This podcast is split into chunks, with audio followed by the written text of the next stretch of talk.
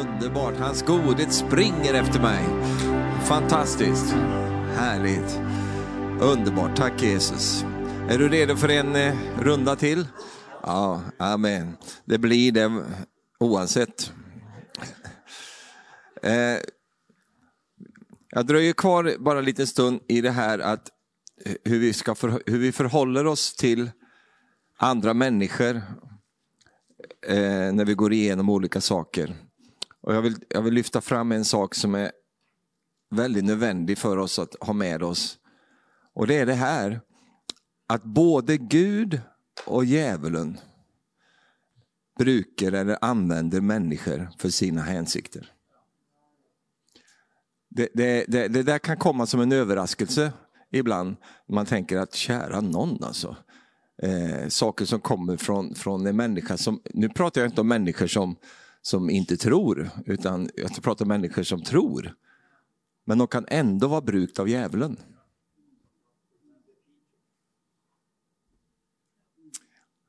Och, och pastorn har redan avslöjat min nästa punkt här. Jag ska ta, ta, några saker här och det är inte för, för det är mer att ha en förståelse av det. För tänk på detta nu, du går igenom olika saker, då är du lite reducerat. Eh, i, I själen och i kroppen kanske och på olika sätt. Du är lite sån, eh, och, och, det där vet Gud om. Va? Så då vill han skydda dig. Och då, eh, för, för, att ta det som djävulen gör då, att eh, Satan talar genom människor. Och han gör det eh, ibland väldigt så här, eh, du är inte riktigt beredd på det.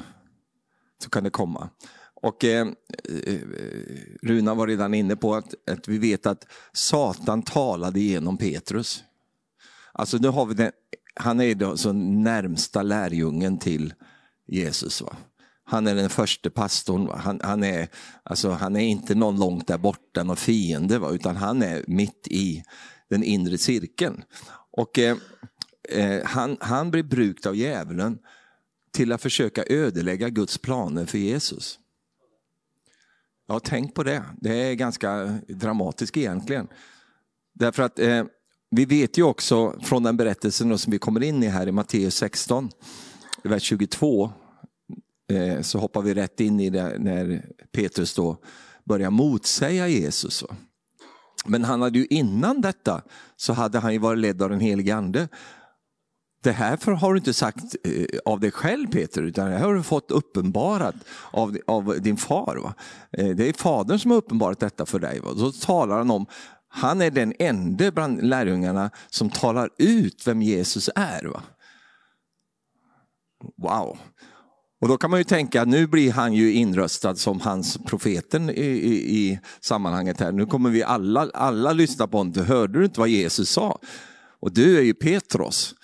Du är klippan, på dig ska jag bygga min församling eh, och allt detta. Och så finns det många olika tankar runt det där. Men det är ju ändå ganska starkt att han ska i alla fall vara med som en, en, eh, en väldigt viktig eh, person i bygget. Va? Eftersom han sen blev den första pastorn och allt det där. Va? Och då samtidigt då så, så börjar andra tankar komma in i Petrus liv. Och när Jesus då börjar tala om sin korsvandring och säga då att jag ska gå till korset, jag kommer att dödas eh, och jag kommer att utlämnas eh, och allt detta. Då passar det inte in i Petrus mänskliga tankevärld. Då. Det passar ju inte alls in för att han hade ju tänkt att, nu ska ju, han har ju precis sagt att du är Messias, den levande Gudens son. Och eftersom vi alla är människor så tänkte han ju in sig själv där också. Han var som Rembrandt. Då. Du vet, Rembrandt är den fantastiska eh, konstnären. Nästan alla hans eh, porträtt, eller eh, de här fina målningarna, så målar han in sig själv också. Han är på nästan varje målning, så finns han med där också. Va? Och det finns ingen, vad jag vet, konstnär som har så mycket självporträtt som Rembrandt. Massvis. Va? Ja, eh, sån. Och väldigt fina saker också. Han är ju fantastisk eh, konstnär. Och det tänker jag på Petrus där. Han vill gärna måla in sig själv i det här också. Han är Messias, det kan jag inte, den platsen kan jag inte ta då. Men jag kanske kan bli vice vice Messias. Han kan, kan ju bli liksom in, eh, alltså ställföreträdande ifall han blir sjuk någon gång så kanske jag kan kliva in. Va? Eh, och så. Jag vet inte vad han hade för ambitioner Peter, men han var ju en ledare, född ledare. Så han tänkte väl i de där rollerna på något sätt. Va? Jag vet inte, men eh, vi, vi, får använda fantasin lite. Men hur som då, så när, när Petrus hör detta så tar han Jesus åt sidan, står det här i vers 22. Det, det ska vara lite sån, när folk vill ta det åt sidan. Eh, det kan, vara, det kan vara väldigt positivt om de har något kuvert med sig också. Det är alltid, alltid trevligt. Men om de inte har något kuvert så, så, så kan du... Alltså de vill, jag har någonting jag vill säga, det är bara lite så, sidan. Ja. Och så börjar han motsäga honom. Gud är nådig mot dig Herren. Kör han nådesbudskapet här va. Nåden. Detta ska aldrig hända dig Jesus. Och så vänder sig Jesus om och säger till Petrus, gå bort från mig Satan. Det är ju sånt här som du säger till din man ibland, och så, men, men, men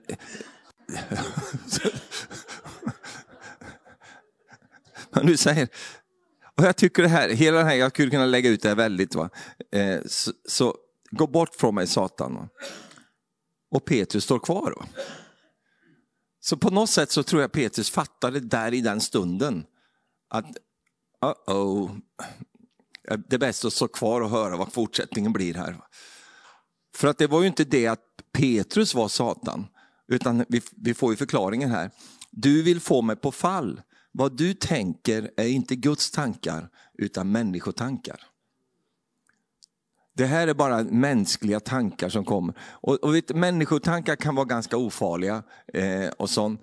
Men när du är på en plats i ditt liv där du är på väg in i en ny tid, du är på väg, och du vet att ibland så misstolkar vi saker som, som händer i våra liv. Du säger, jag går igenom bedrövliga saker. Ja men det kan vara the stepping stone into the next season. Va? Det kanske är precis det här nu som ska ske, eh, för du är på väg in i någonting nytt. Va? Du är lite shaky, du är lite sårbar, du är lite sån, eh, du, du, ska gå en väg du inte har gått förut och allt sånt där. Och då får man vara lite observant för att då vill fienden försöka ödelägga det här. Och så kan han bruka de som står nära dig till att, att komma med såna här förfärliga saker. Och, sånt. och då är det viktigt att förstå och ha en andlig urskiljning så att man förstår att det är inte Petrus nu som jag, är, som jag är ute som, som jag är emot, utan det är det som kommer genom honom. För han har öppnat sig för felaktiga tankar. Och du vet att eh, det kan ske från de som du absolut inte trodde skulle kunna häva ur sig någonting sånt, så kan det komma där. Och då ska du inte bli så jätteledsen, utan du ska förstå, vi befinner oss i en andlig verklighet också. Och den verkligheten är, är ju väldigt påtaglig. Så Satan talar genom Petrus. Vi vet att Satan for in i Judas. Så innan det så var inte Satan inne i honom. Men sen vid ett läge där i Lukas 22, då får Satan in i Judas. Innan det så hade han stått, frestat honom säkert och, och allt det där. Men så kom en punkt då Satan bara for in i honom. Och då så eh, gick han ju och gjorde det han gjorde sen. Va? Det här är ju en discipel. Det här är ju en, en som, som hade vandrat med Jesus eh, i tre år. Satan talade också genom Eliab. Eliab är ju alltså bror till David. Och när, när eh, i första Samuelsboken, David skulle in och bryta igenom verkligen till en fantastisk seger så kommer hans egen bror och talar rätt från djävulen till honom. På det här sättet som vi läser här i första Samuelsboken 17. Hans äldste bror Eliab hade hört hur han talade med männen och blev rasande på David. Och han sa, varför har du kommit hit? Och vem har du lämnat din, den lilla fårjorden i öknen? Jag känner nog ditt övermod och ditt hjärtas ondska. Det är, det, det är för att se på striden som du har kommit hit. Alltså, han bara för, Alltså, nu är det hans kött och blod här va. Som bara kommer och trycker till honom på det. Jag menar, få höra detta, du är övermodig, va? du är full av ondska i hjärtat. Va? Men det var ju tvärt motsatt, det var ju den andra som hade de sakerna. Och det är ju så ofta eh, som kan hända att det, det andra har och är, det är det de lägger på mm. Och därför måste du och jag vara, eh, eh, liksom, för, ha en förståelse här. Var lika kloka som en 17-årig David. När han, när han hör detta så förstår han detta, att det här är ingenting som jag ska ta till mig, utan det här är någonting som jag ska bara vända mig ifrån. Och David bara slår ifrån sig, han säger så här, vad har jag gjort nu då? säger han. Så det här var ju inte den första gången. Va? Vad är det nu då som jag har gjort för fel här? Han fick ju höra det här hela tiden. Eh, och nu vid den här platsen där han står och ska bryta igenom, då passar fienden på och brukar någon som är nära honom för att möjligt försöka ge honom missmod och försöka ta bort frimodigheten ifrån honom. Och, och då så säger då, vad har jag gjort nu då? Jag ställer bara en fråga. Så här. Och sen gör han någonting fantastiskt. Jag, jag, jag, har en hel serie om det här med strategier, va? Alltså segerstrategier. Och sen har jag hämtat från när David gick till bäcken och hämtade fem släta stenar. Varför var de släta? För de har legat i bäcken tillräckligt länge. Så de, blir, de här kanterna var borta. Va? Varför tog han fem stenar? Jo, därför att för varje ny situation så behöver du ny strategi. Va? Du behöver mer än en sten. Va? En sten räcker den gången. Men säg att det hade varit två, tre stycken Goliat till, då hade han behövt fler stenar. Så, så, och, och, då finns det olika strategier för olika saker. Och en av de strategierna som jag lyfter fram där, det är ignorering. Va? Det är en sten va? som du kan bruka i ditt liv. Det är svårt att ignorera. Det är inte detsamma som att negligera. Att negligera, då låtsas som att det inte finns. Du vet mycket väl att det finns, men du väljer att ignorera det. Det var vad David gjorde. Han ignorerade Eliab. För Eliab hade bara dragit kraft ur honom. Eliab hade bara fått honom att stå där. Du vet det finns det här, vi hamnar i massa eh, bråk och krangel och allt möjligt. Men Goliat han, han bara skrattar åt oss. Du är inte kallad att slå ihjäl Eliab, du är kallad att döda Goliat. Det är Goliat som är fienden, inte Eliab. Det visste David, så han ignorerade honom. Han, han vände sig från honom. Det är inte lätt att göra det för man blir så provocerad själv. Men ibland är det bättre att bara, okej. Okay. Och det här skedde många gånger. Det står om Jesus, han hörde vad de pratade om men han ignorerade det. Paulus han, han hörde att de pratade om, David hörde massa saker men han ignorerade, han låtsas som att han inte hörde det. Varför då? Därför att han hade viktigare saker han skulle göra. Tänk på det. Men så är det ju också så att Gud talar. Det är inte bara djävulen som går omkring, utan Gud talar också. Och han talar också genom människor. Och jag ska ha valt ut ett par stycken här, bara för, för, och då har jag inte valt de som vi kanske känner till, utan valt eh, vanliga människor. En, en tjej, eller kvinna som heter Abigail. Gud talar genom henne. Hon var gift med en man som heter Nabal, eller Nabal, eller Nabal heter han väl. Och hans hustru heter Abigail. Det är första Samuelsboken 25 här. Hon var klok och vacker. Han var hård och ond i allt vad han gjorde. Och han var en ättling till Kaleb. Det här manar till eftertanke. Alltså han kom, Kaleb, trosmannen, han som, som verkligen så, han hade en ättling i senare led som heter Nabal och som, som var hård och ond i allt han gjorde. gjorde. Och, eh, det är en ganska lång historia det här så jag ska inte gå in på den nu. Men det, det handlar om att David ber om att få, få lite stötte och lite, få komma in och spisa och få lite hjälp av honom. Och då så avvisar han hon, David. Vem är det? Jag vill inte sån. Och då blir David som är krigare, han blir ju eh, sint. Så han, nej, nu ska jag, så han skulle bara komma och kriga mot honom. Och det här fick ju då Abigail reda på. Så vad gör hon då? Då, då, då, då kommer hon upp mot David och så talar hon till David. Och, och eh, på ett väldigt vist och bra sätt. Och räddar livet på, på väldigt många människor. Och då så säger David till henne sen efter ett tag här och säger välsigna vare Herren, Israels Gud, som idag har sänt dig för att möta mig. Välsigna var ditt förstånd och välsigna var du själv som idag har hindrat mig från att ådra mig blodskuld och skaffa mig rätt med egen hand. Och jag tycker det här är så talande. Va? Här har du då en kvinna som är klok och var vacker också, men framförallt klok. Och så inser hon där att hon har en galning till man. Va? Så han, han kommer att ödelägga allt för oss. Va? Vad gör hon? Jo, hon kommer till David på ett sådant sätt så att David kan ta emot det. Och hindrar David från att dra på sig någonting som, som han inte skulle dra på sig. Gud talar genom människor också. Tänk på det. Gud talade också med, genom en man som heter Jahasiel. Och det står om honom i andra krönikeboken 20, vers 14. Och här är ju en situation också där ingen vet vad de ska göra. Josafat han är, helt, han är helt ställd, han vet inte vad han ska göra. Då kommer Herrens ande mitt i församlingen över Jahasiel. Son till Sakaria, son till Benaja, son till Egiel, son till Matanja, en levit av Asafs söner. Och han sa, lyssna alla ni av Juda och ni är Jerusalems invånare och du konung Josafat, så säger Herren till er. Frukta inte, var inte förskräckta för denna stora skara, ty striden är inte er utan Guds. Gå imorgon ner mot dem. De drar då upp på eh, Hassishöjden och ni ska träffa på dem där dalen tar slut framför Jerusöken och så vidare. och så vidare. Alltså här är det en, en man i menigheten. Guds ande bara kommer över honom och så talar han från Herren in i situationen. Gud brukar människor. Han talar genom människor. Och det, det behöver vi lära oss att fånga upp. Därför att det kan ha väldigt stor betydelse för hur det ska gå framöver.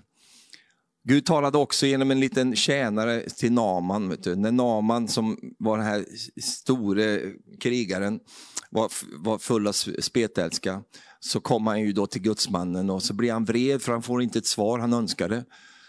Och rusar därifrån vred och dan. Va? Då kommer en liten tjänare fram och säger till honom, men, men Naman, om han hade bett dig om något svårt, skulle du inte gjort det då? Jo, då, det skulle jag gjort. Ja, men nu bad han ju om något lätt. Va?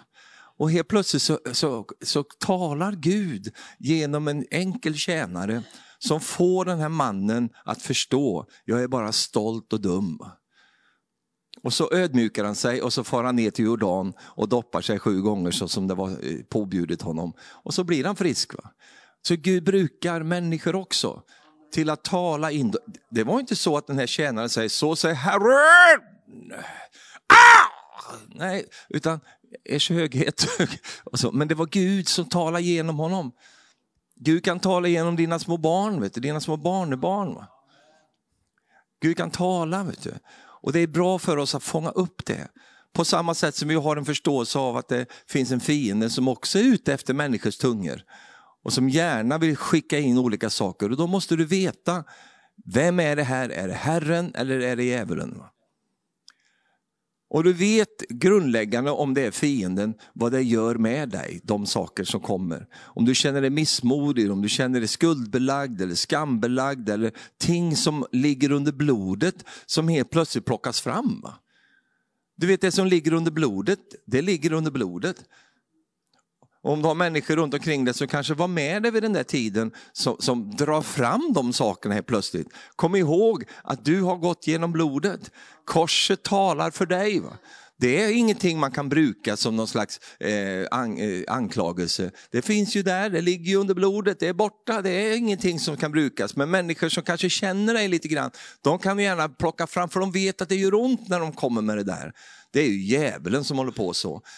Nu behöver inte du säga till folk, gå bort från mig Satan. Gör inte, det var Jesus som sa det, men du behöver inte liksom köra den stilen. Det, det, det kan bli lite... Liksom, men du kan veta inom dig att det här ska jag inte ta till mig. Jag ska inte lyssna på det här, utan jag ska lyssna på vad den helige Ande säger istället. Kan du säga amen? Nu är det lektion nummer två. Jag börjar nu sen. Nu blir det lite mer konkret. Jag sa ju till dig igår att, eh, att Herren sa till mig, ge mig eh, ta, ta lite notater på som du kan ha med dig sen. Och då har jag gjort det. Saker som, som, som du kan ha med dig när du går igenom saker. Det första som jag nämnde igår också. Sök Gud för ett ord att stå på. Du behöver inte ett helt bibellexikon. Utan du behöver ett ord. Va? Bara ett ord. Det kan vara kort, det behöver inte vara eh, eh, långt alls. Men det behöver vara ett ord från Gud.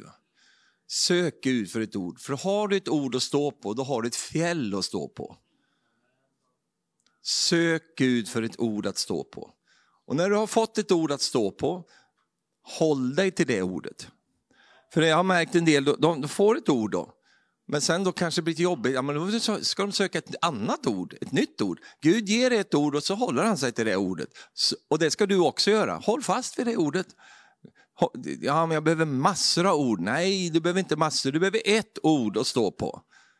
Och du kommer upptäcka till din förvåning att det ordet du får, det rymmer hela situationen. Så märkligt att det, ja, men det, var, men det, det liksom täcker allt sammans. Och det är underbart. Och när du tänker så här, men jag vill ha lite bättre ord. Nej, det finns inget bättre ord än det ordet som Gud sa. Därför att det passar för den situationen. Och Gud vill ge dig ett sådant ord. Och då när du får det, håll dig till det ordet. Eh, vik inte av ifrån det, utan bara håll dig till det. Och, och, och, och var trogen det ordet. Halleluja. Amen. Och sen nummer två, det är, gå in i din kammare och stäng dörren. Det, det står inte gå ut på Facebook, utan gå in i din kammare och stäng dörren. Och det är ju det är så konkret och du vet ju var det kommer ifrån. Det är Jesus som säger när du vill bedja, gå då in i din kammare, stäng dörren om dig och sök din fader som ser eller som är i det fördolda, i det kylte. Och det här, det här är så viktigt därför att den där dörren där, den är viktig att man stänger. Eh, för den, den dörren där, det är så lätt att den går upp. Va? För att det finns ju ting i våra liv som, som, som kallar på vår uppmärksamhet. Och det är en, ibland, en, speciellt i den tid vi lever i nu, så är det en, en eh, utmaning att vara i det skjulte tillsammans med Herren. Inte för att det är en utmaning med Herren, utan allt det andra. Va? Och det är ju att vara i, i det skyltet tillsammans med Herren, det är ju som att vara i det allra heligaste. Det är inte som att vara ute på förgården, som också är connectat eh, med templet. Men ute på förgården, där, det pågår allt möjligt där. Va? Visst, man kan få en blessing där, det kan, man, sån, absolut. Men det är, inte, det är inte där du blir förvandlad, utan det är ju när du är i den närvaron som finns i det skyltet. Stäng dörren om dig och låt Herren få betjäna dig. Halleluja.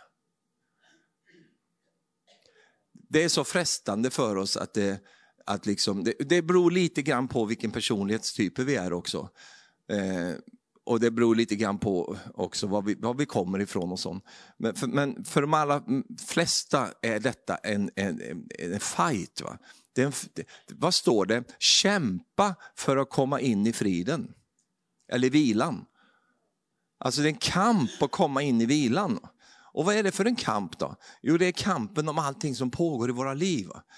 All stress, allt mas, allt det där som finns där. Det är så mycket saker som drar i oss och så vidare. Men nu går du in i en fight kanske för ditt liv och då behöver du hämta styrka hos Gud. Och det finns bara ett sätt att göra det, det är att hämta den hos Gud. Så därför så vill jag uppmuntra dig, nummer tre, stäng ute bruset från denna världen. Va? Och dra dig närmare hans närvaro. Därför att det är i närvaron som du blir förvandlad. Va? Dra dig närmare hans närvaro. Men jag har inte tid med det, säger du. Nej, det är fel. Du har inte tid med att inte göra det. Därför att om du inte gör det så är det mycket annat som kommer att hända som, som kommer att ockupera dig. Och det är bättre att ta den här tiden. Du kommer få mycket mer gjort om du eh, väljer den här vägen. Och, låt, och, och, då när du är i närvaron, låt då Gud få veta hur du, hur du har det. Va?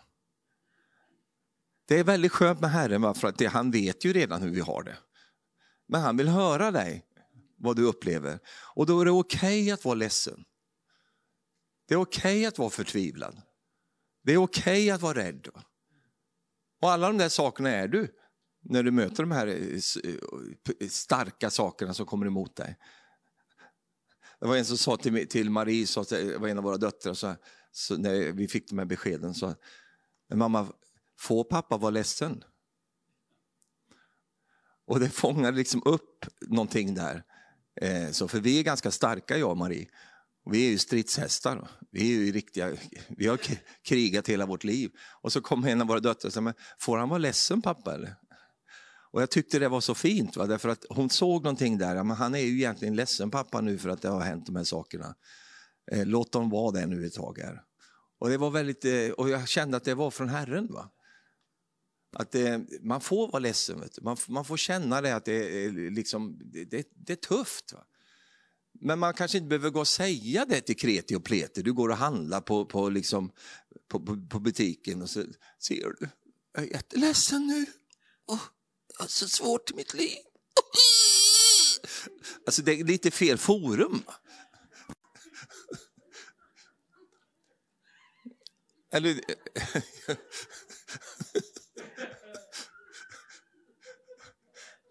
men, men det finns forum där man kan få vara det.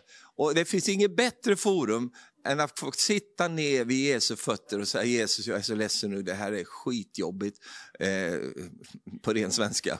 Det, det, det, det, jag, det, fy alltså. Och det är så skönt att få vara sån inför Herren. Töm ut ditt hjärta inför honom. En del går till alla andra platser än till honom. Det första en del gör när de har en kris är ut på, på Facebook direkt, töm ut alltihop där. Och då har jag sett att man gör det på lite olika sätt. En del går ju ut och måste tala om hur underbart allt är. De har värsta megakrisen, men det är fantastiskt nu. Åh, vad underbart. Och då tänker jag så här, men släpp in den där krisen istället. Därför att det, det, det, hjälper inte det där att, att måla i, i de här färgerna. Det är ju bara skit i ditt liv just nu. Snälla du, stäng av det där Facebook-grejen. Det är inga riktiga... Facebook kallas också för Fakebook. Det är inga riktiga vänner som tittar på det där. Och så, det är ingen, det, det, du får... Ja. Stäng av det. Ja, men då, glöms, då glömmer de ju bort mig. Ja, vad skönt. Vad underbart att de glömmer bort det, för det, de ska glömma bort det, för de har aldrig kommit ihåg det innan i alla fall. Kom, kom ihåg vad jag pratade om innan här. Du vet, de som är för dig, de behöver inte gå ut på Facebook för att kolla hur du mår.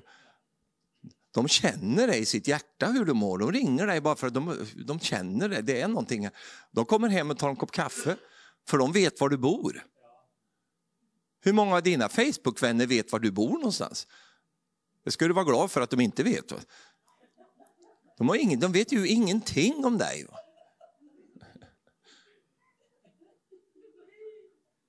Men vi lever i en sån konstig tid va? när det gäller de här sakerna. Och därför så, så vill jag bara trycka på det lite grann.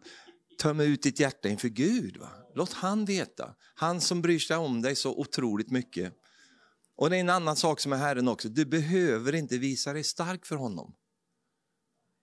Du behöver inte stå där här. För han vet ju att du är ju skröplig och dan. Va? Utan du kan bara få vara, det räcker att han är stark.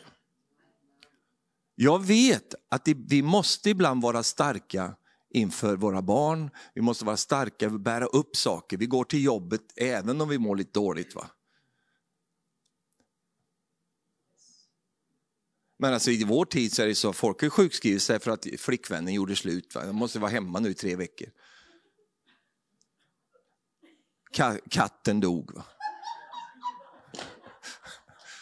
Jag måste... Jag går igenom en sorgperiod nu. Så måste, ja, men det är ju så, min, min hamster är deprimerad. Jag måste väl sitta... Min svärson han jobbar på ett så stort företag med sån här så bemanningsföretag va, som, och han anställer massa ungdomar hela tiden. Och han sa det är helt, det är helt sanslöst hur, folk, hur ungdomarna är idag. Va? Och det är ju sådana här saker att det, eh, vår kanin liksom kan, kan inte bli gravid och vi har så jättejobbigt med det. Så jag är så nedstämd nu.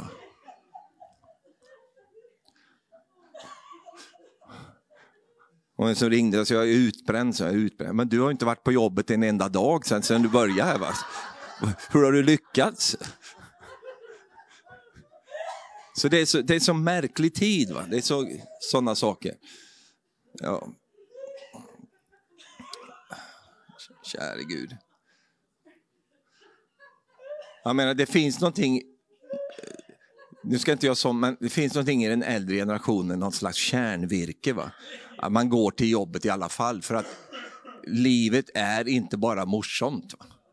Det är, alltså, du måste inte, åh jag känner en lycka, nu går jag till jobbet idag. Utan livet är jobbigt ibland, det är motvind, det är, det är tungt. Ja, men det, vi alla här, vi vet att om du skulle gå till jobbet, liksom allt är perfekt, va? hamsten mår bra, katten lever.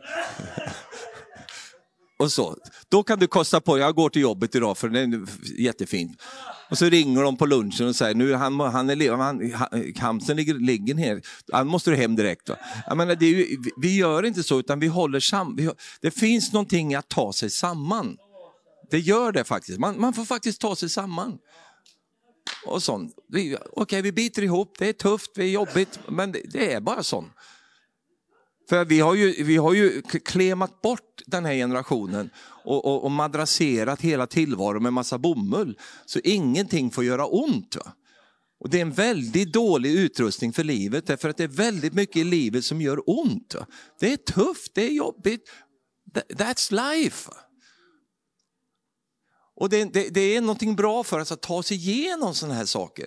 Men sen finns det ju lägen där, man, där livet verkligen rasar ihop och det är väldigt jobbigt. Och det är så skönt också att få komma inför Herren där man verkligen kan uttrycka sig för, inför Gud. Och David är ett fantastiskt exempel på detta. Jag undrar om inte han var lite bipolär, alltså, för att han var ju uppe där, oh, oh, och sen var ju ner, nu, nu, nu, och sånt. Han hade sån känsloregister, upp och ner, och han är den enda i hela Bibeln som får höra denne är min älskade... Ja, han är en man efter mitt hjärta. Den enda som får höra det. Tänk, tänk dig, den person med så mycket felsteg och mycket grejer. Som han, vi, vi gillar ju att läsa det där om Batseba och allt det där. Men när Gud summerar hans liv så säger han, han är en man efter mitt hjärta. Och jag tror någonting ligger i det där, det är att han, han, han var som en öppen bok inför Gud. Va? Han bara brätte ut sig själv då, och, och inför Herren och, och alla de saltarsalmerna som vi kan läsa. Där, där vi ser att här har du en man då som gör detta inför Gud. Vi har ju Broder Jobb va, i Bibeln, den längsta, längsta boken i gamla. Han fick mycket utrymme. Och det är han som hade så jobbigt. Det där, och han gick i, snacka om att gå igenom grejer alltså. Det ena efter det andra efter det tredje. Va? Och han gick igenom. Och så hade han ju några kompisar också. Jobs vänner. Och, och, och de pratade också ganska mycket. Och det, det står intressant att de kom till honom och satt de tysta i sju dagar. Står det. De skulle alltså ha suttit tysta i ett år tycker jag, för att de, de skapar rätt mycket problem. Och vet du vad? Jobs vänner Gud fick problem med dem. Gud säger, jag är emot dem där. Och så säger han i slutet av, av den här boken så här, så här, de har inte talat vad som är rätt om mig. Men det har däremot Jobb gjort. Vad är skillnaden? För att Jobb, han talar ut ganska frimodigt. Men skillnaden är att Jobs vänner pratade om Gud. Men Jobb talade till Gud. Han, talade, han, han gav det här till Gud. Och jag, först, jag fattar inte det, jag förstår mig inte på det här. Gud, va? Han var sån. Va? Och då säger Gud så här, han talar vad rätt är inför mig. Fast han hade tillrättavisat honom och säger, vad vet du? du var, var du med när jag gjorde den här jorden? Var du med då broder Jobb? Nej, det var han ju inte. Så, så, de hade en egen eh, etablerad relation, Jobb och Gud. Och det fanns med i hans upprättelse. Men Jobs vänner, de, jag är emot er, va? säger Gud. Och då fick jag be för dem och då blev de upprättade också. Amen. Så gå till Herren, låt han veta, uttryck ditt hjärta, var ledsen när du är det. Därför att vi är så duktiga på att spela spel, va? så att vi, vi, vi, vi spelar liksom håller på. Men, men det funkar inte på Gud, utan Gud kommer att hjälpa dig att eh, få ur dig det du behöver få ur dig. Och sen då, böj dig för den helige andes ledning och följ hans instruktioner. För, och hans instruktioner, Det, är så märkligt. Hans instruktioner är sådana saker som du egentligen kunde ha kommit på själv. Men eftersom du är så korkad i huvudet så kom du inte på det. va? För du var så blockerad av alla möjliga grejer. Så, så hans instruktioner är ofta mycket lätta. Det är inte, något, det är inte liksom kastade ut för stupet. Vi vet vem det är som säger sånt. Släng den nu där. va. Nej, hans instruktioner är, gå nu dit, tvätta dig där och så kommer du tillbaks. Alltså det är ganska enkla saker. Men det är hans instruktioner. Och när du lyssnar på dem så kommer det gå bra. Och det säger man ju att vi måste veta vem den helige ande är och ledas av honom. Och, och, och sånt, för han har fantastiska eh, instruktioner. Och då kommer jag till nästa eh, punkt där. Och det är, ta hjälp av läkarna, men sätt din lit till Gud. Här finns det ju eh, olika gröfter här. Va? Den ena gröften är ju att, att, att det blir precis som här, som det står i, i andra krönikeboken 16, vers 12. I sitt 39 regeringsår fick Asa en mycket allvarlig sjukdom i sina fötter. Men trots sin sjukdom så sökte han inte Herren, utan endast läkare. Och det här likar inte Herren, utan Herren vill att du ska söka honom. Men när du söker honom så kan instruktionerna från honom bli gå till en läkare. Därför att, jag vet inte var det här kommer riktigt ifrån, men nu är vi i en karismatisk församling och vi, kommer, vi har en karismatisk eh, liksom, väg. Va? Och, och, vi har varit med om mycket olika saker. Men det finns, jag vet inte var det här kom in någonstans, men det är just detta att, det, det, att nej, vi, vi ska inte och, och liksom ta någon hjälp av läkaren, utan Herren ska fixa det här. Va? Och, och, ehm, och det, det, har funnits starkare i tidigare rörelser också. Jag har, jag har en vän som heter Kurt Johansson. Han, han en, var en av ledarna i, i Maranataväckelsen i Sverige. Mycket härlig broder. Eh, och han blev då utsänd ifrån eh, den väckelsen till, eh, till Afrika som missionär. Och då så berättade han för mig att när han kom till Afrika, då var han en ung kille, kom till Afrika, han var många år, 40 år tror jag i, i Afrika. Och när han kom då dit så, så hade han med sig, han har fått med sig det, Nej, men det, du ska bara stå på Herren. Det är bara, du ska, ingen annan ska, du är Gud. Och så drog, fick han ju malaria. Men då tog han ju inga malariatabletter. Utan det, Gud ska hela mig. Och han blev ju så sjuk, han blev dödssjuk. Till slut så kom Herren igenom i honom och, och så säger men kan du ta malariatabletter så slipper du gå med den där febern där och, och, och, och plågas. Va? Och då var det som en, aha, kan man göra det? Och då har man ställt upp ett motsatsförhållande som är fullständigt onödvändigt. Det är klart att eh, vi, vi tar dem... Eh, tänker du så när du, när du håller på med din bil eller? Det är bara Herren som byter olja i min bil. Det är ingen, ingen mänsklig ska in och greja med min bil. Det tänker du inte på, utan du direkt till verkstaden och fixa och dona det. Du tänker väl inte, ja det kanske en del gör, men gör inte det. Har du någon försäkring på ditt hus? Varför har du det? Du har ju Herren! Han försäkrar dig. Vet du, det finns dramatiska grejer med det här. Vet du, när man har den tanken, jag ska behöva ingen försäkring för Herren tar hand om alltihop. Jag ska säga om du ska vandra med, i, i det här och tjäna Gud, ta tre försäkringar.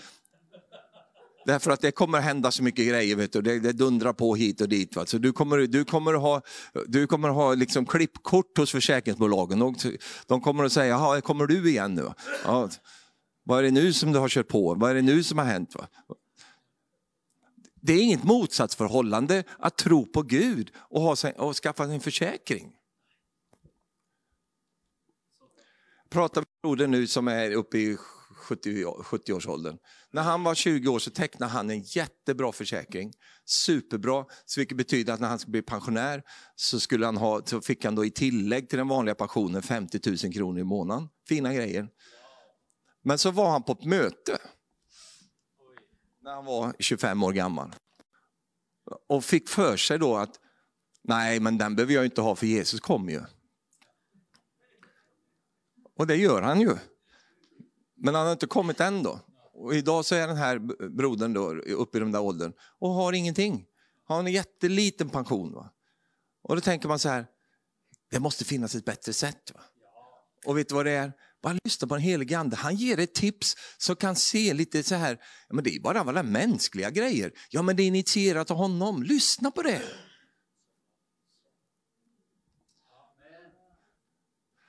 Vi vet att Jesus kommer snart. Alltså nu är du så tyst jag blir rädd här. Alltså. Och, och, och, och ja. Stå på. Nej, men alltså det, det, jag, jag, tror det, jag, jag, vet att jag har en riktig eh, poäng här. Va? För, jag, vet, för jag, har, jag är inte nybörjare i den här branschen. Jag har hållit på länge och jag har sett allt möjligt. Och då har de här två gröfterna. Och den ena gröften, det är just det jag säger, det blir överandligt, va? det blir flummigt, det blir, det blir inte sanktionerat av Herren egentligen. För vi lurar oss själva och tänker att ja, men nu är vi ju så, det blir ju liksom... Nej, utan det är bara Herren visar oss, gör det här så kommer det bli bra. Det, sen har du den andra gröften. Och det är ju liksom att du bara tänker mänskligt. Bara tänker inte in Gud alls, utan bara lite viktig, liksom både hängslen och svångrem och hela upplägget. Ja, men det, det, då, då är vi en annan sida. Men det finns ju en väg däremellan. Och det var någon som sa, det enda gången de kristna är på vägen, det är när de är på väg över från en gröft till en annan. Då är de en liten stund på vägen där. Men vi är ju kallade att gå på vägen hela tiden. Så Gud kan använda läkare, han använder mekaniker, han använder ekonomer, han använder människor. Men vi sätter vår lit till Gud. När jag, sista samtalet jag hade med läkaren så, så berättade jag det här för honom. Jag har bett till Gud att, det här ska, att, du, att du ska göra en bra jobb. Jag har bett till Gud, ja, jag förstår att du tror så. och så, är du en sån där som ser mening i allting? Så. Nej, det är jag inte. Jag ser ingen mening i allting. Inte det där misstaget du gjorde. Det var ingen mening i det. Han gjorde en del misstag nämligen. Och det är ingen mening i det. Men, men, eh, men, men, men jaha, alltså, inte riktigt så heller då. Eh, han var väldigt nykär på mig. Men jag ville tala om för honom att, att jag har bett till Gud för det här. Att Gud, jag har bett att Gud ska göra att du gör ett bra jobb. Jaha, tack så mycket, tack så mycket. Och det är så vi tror, det är så vi verkar. Men vi faller inte i farstun. Du vet att läkare och alla andra, så här, det är ju vanligt folk. Va? De går ju på do de också. Och det luktar när de har varit där med.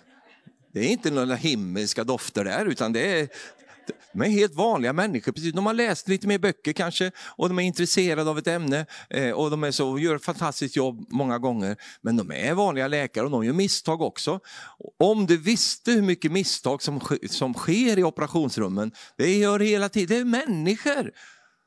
Och om vi sätter hela vår lit i detta, du vet det finns väldigt många, de är så skuffa och besvikna på, på liksom myndigheter och på NAV och allt det här. Va? Eh, och sånt. Men du vet att vi har inte, alltså, det, kan du visa mig ett bibelord där det står gå till NAV? Det, det finns inget bibelord, som, utan, men vi har en, en, en, en välsignelse i detta, men vi har inte vår lit där. Inte, vi, vi, sätter inte vår lit där, utan vi har vår lit till Herren och Herren brukar alla de här sakerna och det prisar vi Herren för. Kan du säga amen till det? Ja, nummer sex, jaha, har du punkter också? Ja. Nummer sex, be de äldste i din menighet att smörja dig med olja och be för dig. När du blir sjuk, när du, när du blir drabbad, be de äldste fråga dem, vi, kanske inte, vi har inte äldste på det sättet i alla menigheter, men ledarskapet. Ber, kan, med pastorn och, och, de andra, kan ni be för mig, smörja mig med olja? Eh, här har vi olja. Därför att nu, nu har jag fått ett besked, nu har jag, fått, jag har gjort det själv. Ja, det var väldigt viktigt för mig att, att, eh, att, att, att sådana som jag har förtroende för i Sverige, att de fick be för mig och smörja mig med olja. Inte varje dag då. För det är dyrt med oljan. Vet du. En gång. De smörjde mig med olja en gång. Därför att vad som hände sen det var att de ringde alla möjliga så, till mig. Stefan, vi är några bröder här. Vi kan komma förbi dig nu och smörja dig med olja. Och då var jag lite sån, så kom inte hit. Så. Jag vill inte ha det här. Så. Kom inte hit. Jag är redan smord med olja. Jag har redan blivit smord med olja. Så, så det, det, den biten är avklarad. Ja men de har en speciell salves, det har de inte. Jag vill inte ha dem här, kom inte hit. Det är redan klart, jag har redan gjort det här. Men däremot be de äldste komma. Det finns en ödmjukande handling i det. Att man säger, jag behöver faktiskt det. Och det är, ett, det, det är vad Guds ord säger också. När du blir sjuk, kalla på de äldste och låt dem be för dig och smörja dig med olja. Och trons bön ska bota den sjuke. Halleluja. Amen. Tack Jesus. Och, och så, så det, det, ska, det uppmuntrar dig att göra. Du vet, eh, menigheten är viktigare än vad du tror. Alltså. Ja, men det är så mycket problem också. Ja, men det är ju därför att du är med där också. Det är klart det är mycket problem då. Ja, men jag kan inte med den där, det är så jobbiga människor. Ja, men det är det menigheten består utav. Det är människor. Jag skulle aldrig vara med i en menighet om det inte fanns några människor där. Det är liksom kroppen. Ja, det är ju det som är problemet. Nej, det är inte problemet. Du måste kunna se det övernaturliga i en menighet som består av många människor. Det finns en övernaturlig sak, för Jesus själv bygger sin menighet. Och han gör det med sådana här som du och jag, va? levande stenar. Va? Och ibland tänker man så här, det var väl onödigt att de skulle vara levande de där stenarna. Därför att det är ju sådana här stenar som kan gå iväg rätt vad det är. Men vanliga hus när du bygger, de är döda stenarna. Va? Men här är levande stenar så de knallar ju och går därifrån och allt möjligt. Ja, vad är det? Ett stort hål där, det var en sten som gick här. Så.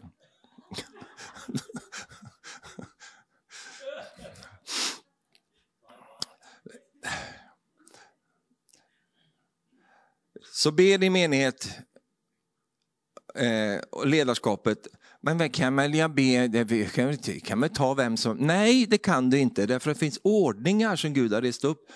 Men jag tycker inte om ledarskapet. Jag, tycker jag har ingen tillit till dem. Jag har ingen tillit. Du ska inte ha någon tillit, du ska ha tillit till Gud. Va? Och Gud har satt in de här ordningarna, bara böj dig för det. Ja, men de är inte så speciellt de. Inget speciellt. Nej, vi, Sverige, Norge, vi är ju experter på det. Ingen får ju vara speciell. Ingen, men tror du att du är? Va? Ner med dig i sockerna. Och det är inte det vi pratar om, att någon ska vara speciell, utan det finns funktioner som Gud har satt in. Och när jag ser de funktionerna, jag, de som bad för mig, jag känner allihop, jag vet ju, det finns allt möjligt där. Men de har en funktion. Och jag, bara, jag behövde den funktionen för att inordna mig under det. Jag är ju mycket mer apostel än vad de är. Om jag får säga det själv alltså. Men det hjälper ju föga. Jag kan ju inte stå där, jag, jag, jag smörjer mig själv här nu. Utan jag får inordna mig. Det ligger något vackert i det. Och det ligger något starkt i det. Och det är någonting som Gud vill att du och jag ska tänka på. Så gör det, gå dit och, och sen koppla med dem som du är förtrogen med. Och som har tro för situationen. För det finns ju alla möjliga, vet du. Jag har ju redan nämnt Krösa-Maja. Vi kan ta Thomas till exempel. Det finns ju de som när de får höra att det har hänt någonting med Lazarus. Ja, det var ju typiskt det va. Det är ju ingen idé med någonting längre kan vi lika gärna gå och dö allihopa. Vi lägger ner hela verksamheten, det är ingen idé någonting ännu längre. Det finns ju de som direkt tar lite och då ner direkt ner i... De är inte lika så lätta att koppla med. Utan koppla med de som har tro för situationen.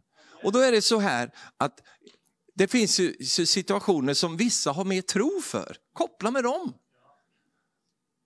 Du vet, vi, vi har inte tro för allting. Va?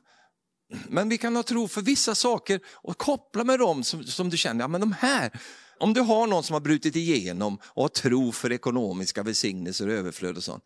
Koppla med en sån då när du går igenom tuffa grejer på det området. Nej, det vill jag inte göra. Ja, men då säger det väldigt mycket om dig va? och varför du aldrig bryter igenom. Men istället så, ja, men om du ser att någon, ja, men här finns det ju ett flöde, någon har stark på helande till exempel, ja, men gå till den och koppla med den som har tro för den situationen. För vet du vad, tro är smittsamt.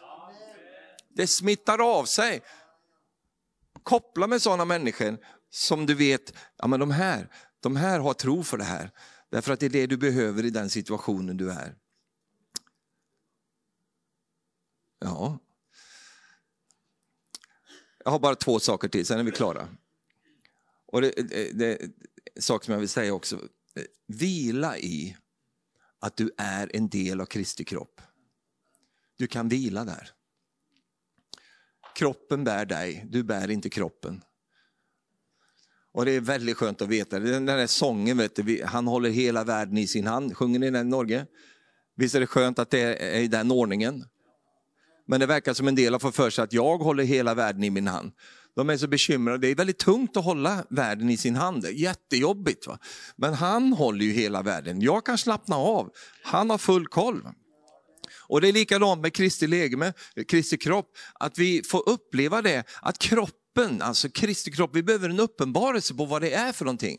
Nu är inte kroppen begränsad till en lokal menighet, utan det är en kropp som flödar, Kristi legeme. Jag känner ju att ni, ni som har fått reda på det här, som, det jag har gått igenom, jag kände ju att det flödar ifrån sken in i min kropp. Alltså jag känner att det kommer läkedom här.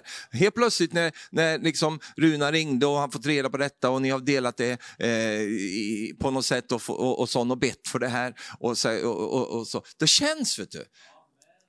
Det känns, ja, nu är, de ber för mig. Vet du. Halleluja. Ja, men det finns en fantastisk underbart med, med Kristi kropp, hur den fungerar. Va? Och hur de olika gåvorna flödar i kroppen. Alltså.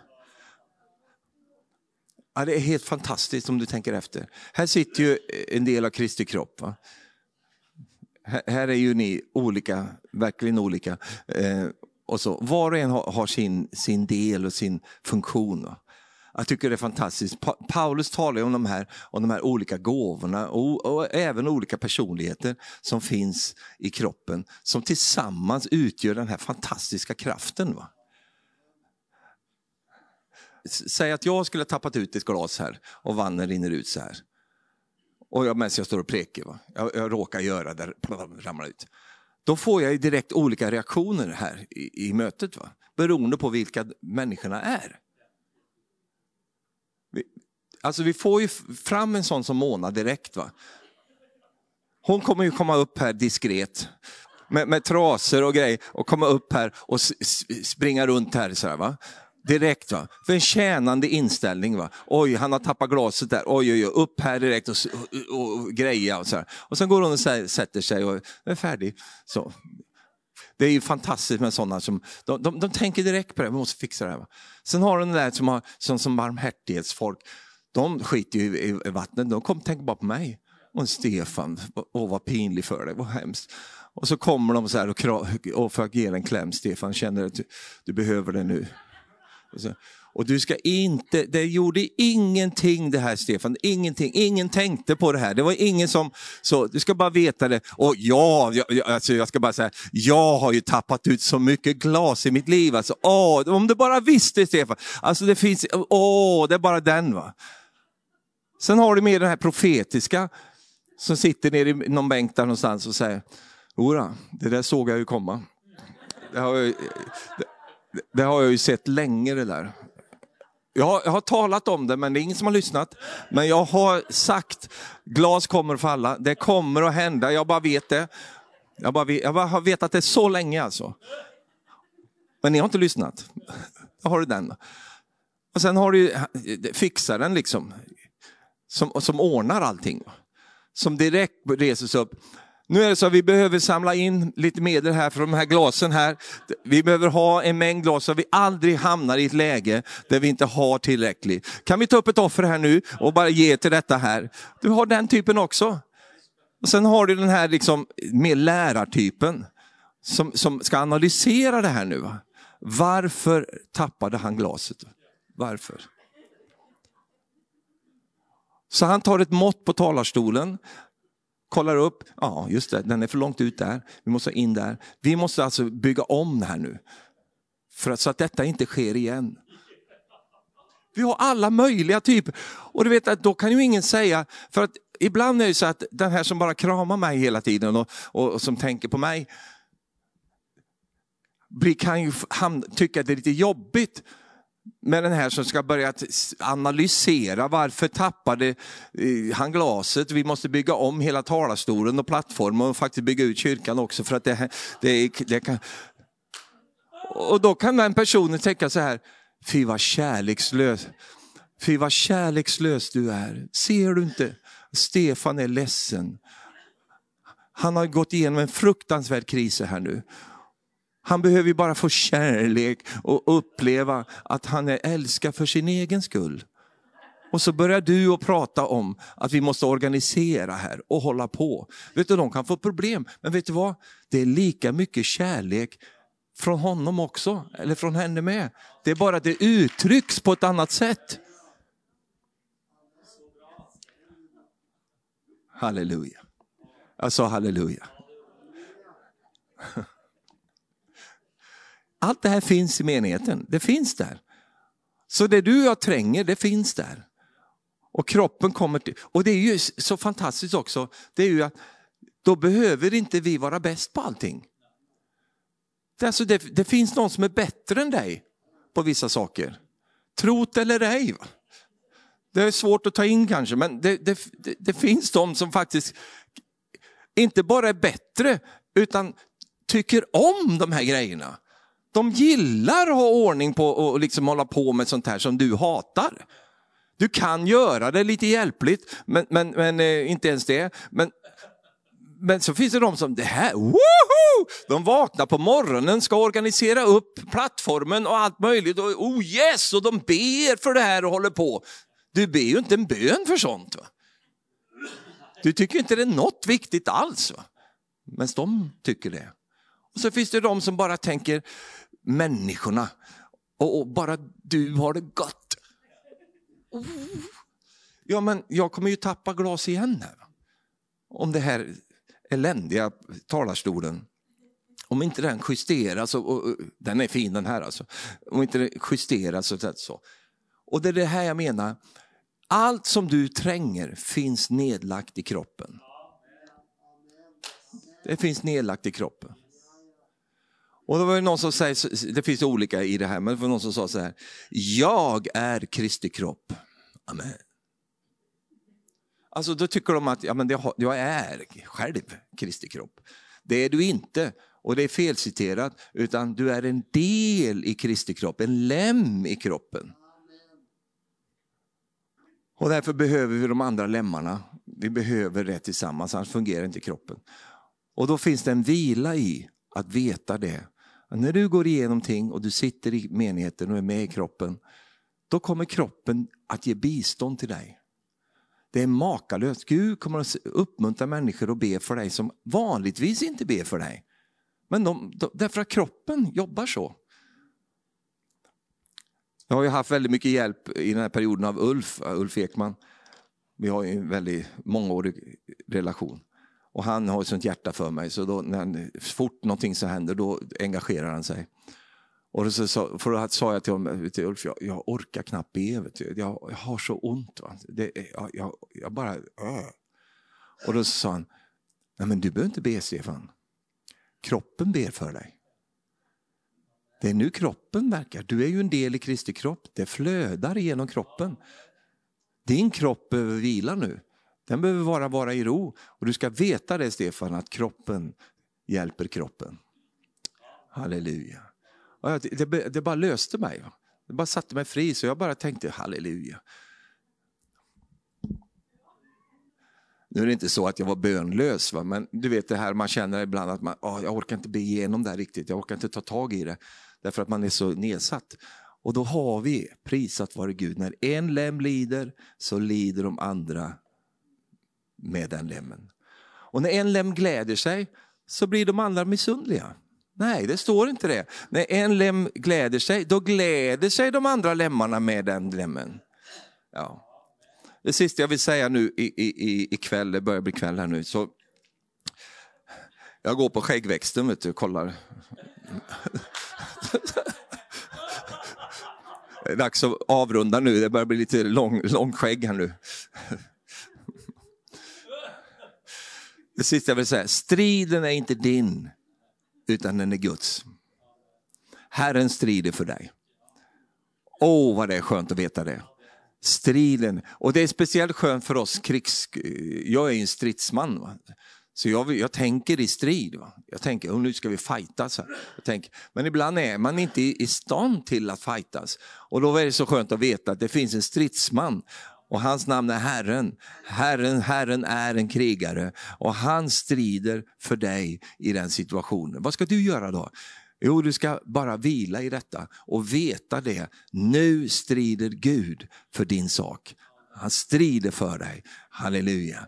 Oh, du, han är inte passiv, han är inte liksom inaktiv, han är mycket aktiv och han krigar och strider för dig och bryter igenom. Tänk på detta när Daniel bad till Gud. Va? Och så står det ju där, tio dagar var det väl, eh, så fick han vänta och sen efter tio dagar så kommer Gabriel. Va? Eh, och så säger han Gabriel, redan första dagen när du bad din bön så var den hörd inför, inför tronen. Och nu har jag kommit för dina, dina ords skull. Men jag är försenad därför att eh, eh, försten över Persiens rike, du vet att det, och det är ju Iran, va? Eh, Persiens rike stod mig emot, va? så jag kom inte igenom. Men då kom Mikael och hjälpte mig. Och jag bara ser det här framför mig. Då kom Mikael och såg till att det blev banad farled för mig så att jag kunde komma igenom till dig. Och du vet att det finns eh, de här stridsänglarna som Gud sätter igång när det, när det är viktiga saker. Och du är viktig för Gud. Så vet du vad som händer? Det är att Gud strider för dig för att det ska bryta igenom i, i, den, i den andliga atmosfären. Och du får komma in i den friheten som Herren har för dig. Och kom ihåg helt, helt till slut där att eh, du kommer igenom det här. Du kommer igenom det. Men när då? Ja, det vet jag inte, men du kommer igenom det. Och du kommer att komma igenom det starkare än vad du var innan. Och du vet att djävulen han lär sig aldrig av sina misstag. Utan han gör om dem om och om igen. För förra gången du gick igenom detta, eh, något liknande, ja men då kom du igenom och, och sen, sen, sen eh, blev du starkare genom detta. Och nu den här gången kommer du komma igenom igen och du blir än starkare. Du får nya erfarenheter av Herrens godhet och trofasthet och du kommer att komma igenom. Hör mina ord, du kommer att komma igenom vad det än du möter för någonting. Därför att Herren är större än det som kommer emot dig. Och det, det, det vill jag lämna lämna dig med här idag. Så du ska inte vara missmodig, du ska inte, vara, du ska inte nonchalera det som du får möta, utan allt det jag har delat här idag. Utan ta det till dig och arbeta igenom de här sakerna. Var en seriös kristen eh, som gör de sakerna, så får du uppleva, precis som vi sjöng i sången, du har alltid varit trofast Herre. Alltid hjälpt mig, alltid tagit hand om mig. Och allt folket sa Underbart, halleluja. Ja, jag hade mer att säga dig, men du kunde inte bära det. Så, så vi nöjer oss så här. Halleluja. Far, vi tackar dig för den här eh, dagen, Herre. Tackar dig Fader att vi får ta med oss någonting från ditt bord idag. Tack Herre för att du hjälper oss och tar oss igenom, Herre. Genom alla ting, Herre. Vad det än vi möter, Herre, så finns det en väg, Herre. Vi tackar dig, käre Far, för det. Tack Jesus för att vi får uppskatta varandra också, Herre. Att vi får hjälpa och stötta varandra på det sättet som, som trängs, Herre. Att vi får vara till bistånd, Herre och ge styrka till det, där det behövs, Herre. Och även ta emot styrka, Herre, ifrån varandra. I Jesu Kristi namn. Vi prisar dig för det. Amen.